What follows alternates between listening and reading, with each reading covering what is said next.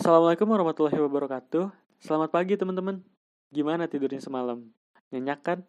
Semoga istirahat semalam udah cukup ya untuk ngebuat teman-teman semangat melakukan kegiatan hari ini. Oh iya, sebelum melakukan kegiatan, jangan lupa sarapan ya. Semoga kegiatan hari ini lebih positif dan juga menyenangkan. Jangan lupa juga tetap jaga kesehatan dan jangan kecapean. Untuk teman-teman yang masih ngerasa kemarin ada masalah yang belum selesai atau urusan yang belum selesai, coba diselesaikan hari ini. Kalau masih belum bisa, nggak apa-apa kok. Masih ada hari esok. Nggak usah terburu-buru, semuanya udah ada waktunya. Semangat ya, semoga Allah selalu menjaga kita.